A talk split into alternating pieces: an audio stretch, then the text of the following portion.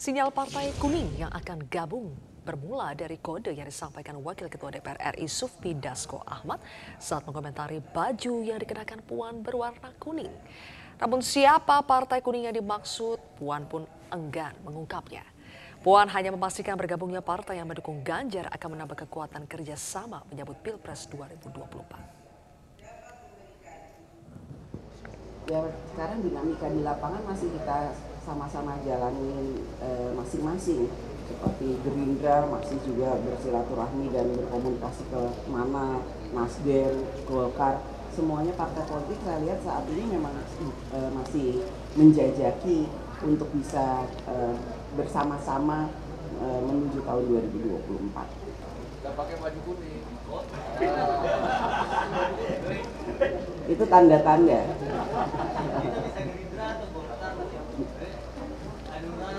Bisa semuanya memang. Jadi ya begitulah. Namanya strategi kan rahasia ya. Nggak boleh dikasih tahu dong. Tapi seperti Pak Dasko bilang ini hari ini kuning.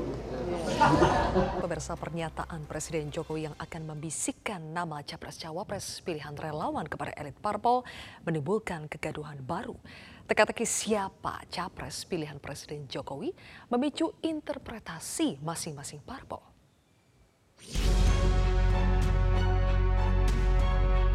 Sehingga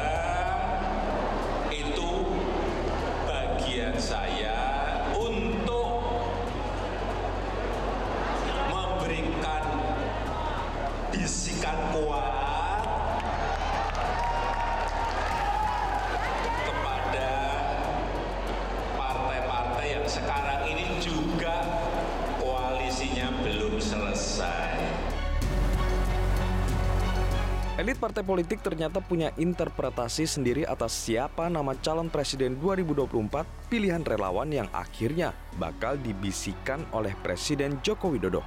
Partai Amanat Nasional misalnya mengklaim sudah tahu siapa dari tiga nama capres yang akan dibisikkan Presiden Jokowi kepada Ketua Umum PAN Zulkifli Hasan meski pertemuan antar keduanya belum dilakukan. Dalam musyawarah rakyat, relawan Jokowi menyodorkan tiga nama calon presiden, di antaranya yakni Gubernur Jawa Tengah Ganjar Pranowo, Menteri Pertahanan Prabowo Subianto, serta Menteri Koordinator Perekonomian Air Langga Hartarto.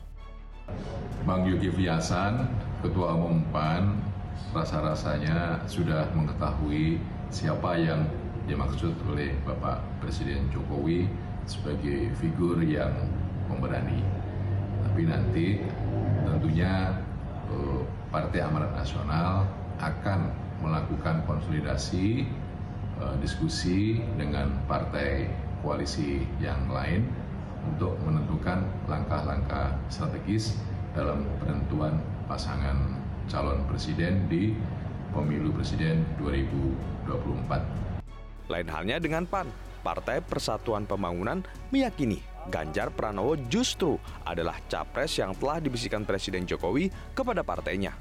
P3 pun memastikan semua parpol tidak akan menolak nama capres bisikan Jokowi. Soal bisik kepada partai politik, capres siapa yang pas dan sebagainya, ya wajar dilakukan karena apa? Karena toh komunikasi antara tokoh-tokoh tertentu termasuk presiden kepada partai politik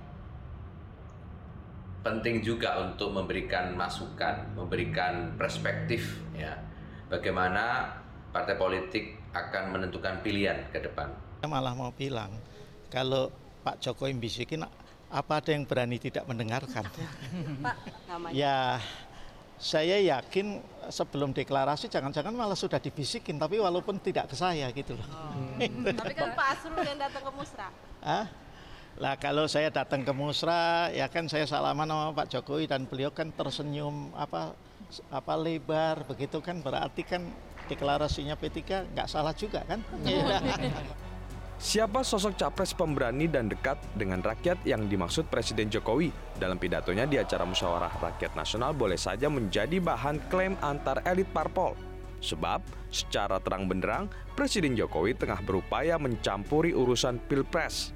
Namun pertanyaannya, patutkah presiden menjadi tukang bisik para relawan demi pengaruhi kewenangan parpol mengusung capres di pemilu mendatang? Tim Liputan, Metro TV.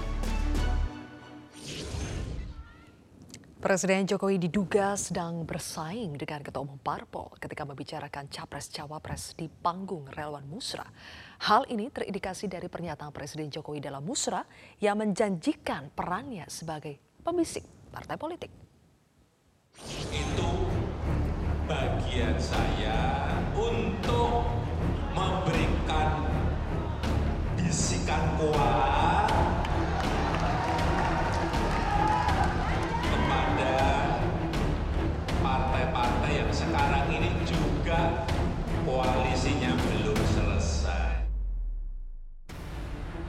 Presiden Joko Widodo berapi-api ketika membicarakan tentang suara rakyat dalam panggung relawan pada hari Minggu lalu.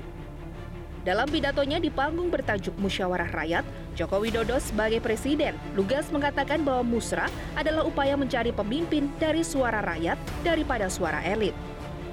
Jokowi kemudian menyinggung soal relawan yang ingin merawat demokrasi dan menyerap suara rakyat di akar rumput bukan di tataran elit partai. Saudara-saudara semuanya ingin merawat demokrasi di akar rumput kita ini ingin merawat demokrasi di akar rumput. Bukan di elit, tapi di akar rumput. Namun suara rakyat ini harus tetap disampaikan ke partai politik karena hanya partai politik dan gabungan partai politik yang bisa mencalonkan capres dan cawapres. Dengan begitu, Jokowi menjanjikan perannya sebagai pembisik ke partai-partai politik. Bisa mencalonkan itu adalah partai atau gabungan partai. Betul. Sehingga itu bagian saya untuk memberikan bisikan kuat kepada partai-partai yang sekarang ini juga koalisinya belum selesai. Jokowi lantas meminta semua relawan untuk solid karena jika relawan solid maka diperhitungkan dan tidak dilecehkan. Penting, ini penting, ini penting karena kalau kita nggak solid dan kompak kita ini akan dilecehkan, tahu?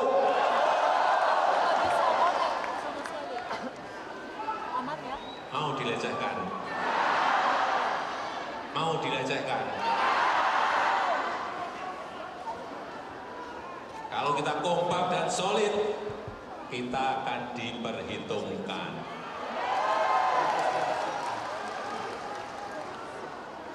Setuju? Setuju? Analis politik Ahmad Khairul Umam memperkirakan Presiden Jokowi sedang berusaha menjadi kingmaker yang sedang berstrategi untuk bernegosiasi. Itu adalah bagian dari time buying strategy untuk menunggu dan juga mengulur waktu sampai kemudian bertemu titik kepentingan Baik. dalam proses deal-deal negosiasi politik antara PDIP dengan partai-partai di sekitar istana presiden. Ekonom senior Indef Didik Jirahbini ikut berkomentar tentang ikut sertanya Presiden Jokowi membicarakan Capres dan Cawapres 2024. Menurut Didik, Presiden seperti sedang bersaing dengan Ketua Umum Parpol. Dengan cara dia terlibat langsung ya membangun koalisi, memanggil ketum-ketum partai ya, mendorong ke sana, mendorong kemari, menimbang-nimbang dan seterusnya dan seperti bersaing dengan Ibu Megawati. ya, bersaing seperti ketua partai ya. Ikut campurnya Presiden Jokowi membicarakan Capres dan Cawapres memang tidak disalahkan oleh konstitusi. Tapi yang dikhawatirkan oleh Didi adalah adanya abuse of power jika seorang presiden ikut menentukan capres tertentu. Tim Liputan, Metro TV. Ketua Umum Partai Demokrat Agus Harimurti Yudhoyono meminta penguasa tidak melakukan upaya diskriminatif soal dukungan terhadap salah satu sosok capres yang akan maju di Pilpres 2024. Menurut AHY, upaya seperti itu hanya akan mengusik rasa keadilan dan tidak sehat untuk demokrasi. Kita juga bicara tentang demokrasi. Bagaimana seharusnya demokrasi di Indonesia ini juga harus dijaga, dirawat. ada sejumlah indikator yang menunjukkan kita mengalami kemunduran. Nah, tadi yang eh, di antaranya kami sepakat bahwa sebaiknya dan sepatutnya menghadapi pemilu 2024 ke depan ini dibuka ruang bagi setiap individu, setiap warga negara yang sama dan adil.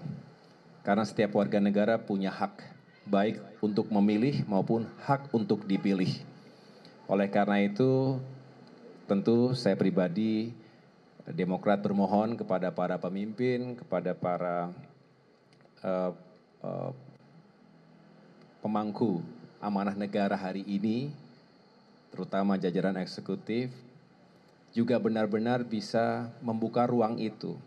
Jangan sampai seolah-olah ada yang diberikan dukungan, diberikan support, langsung maupun tidak langsung, tapi ada yang dihalang-halangi atau tidak diharapkan untuk bisa maju, untuk tidak bisa membangun koalisi.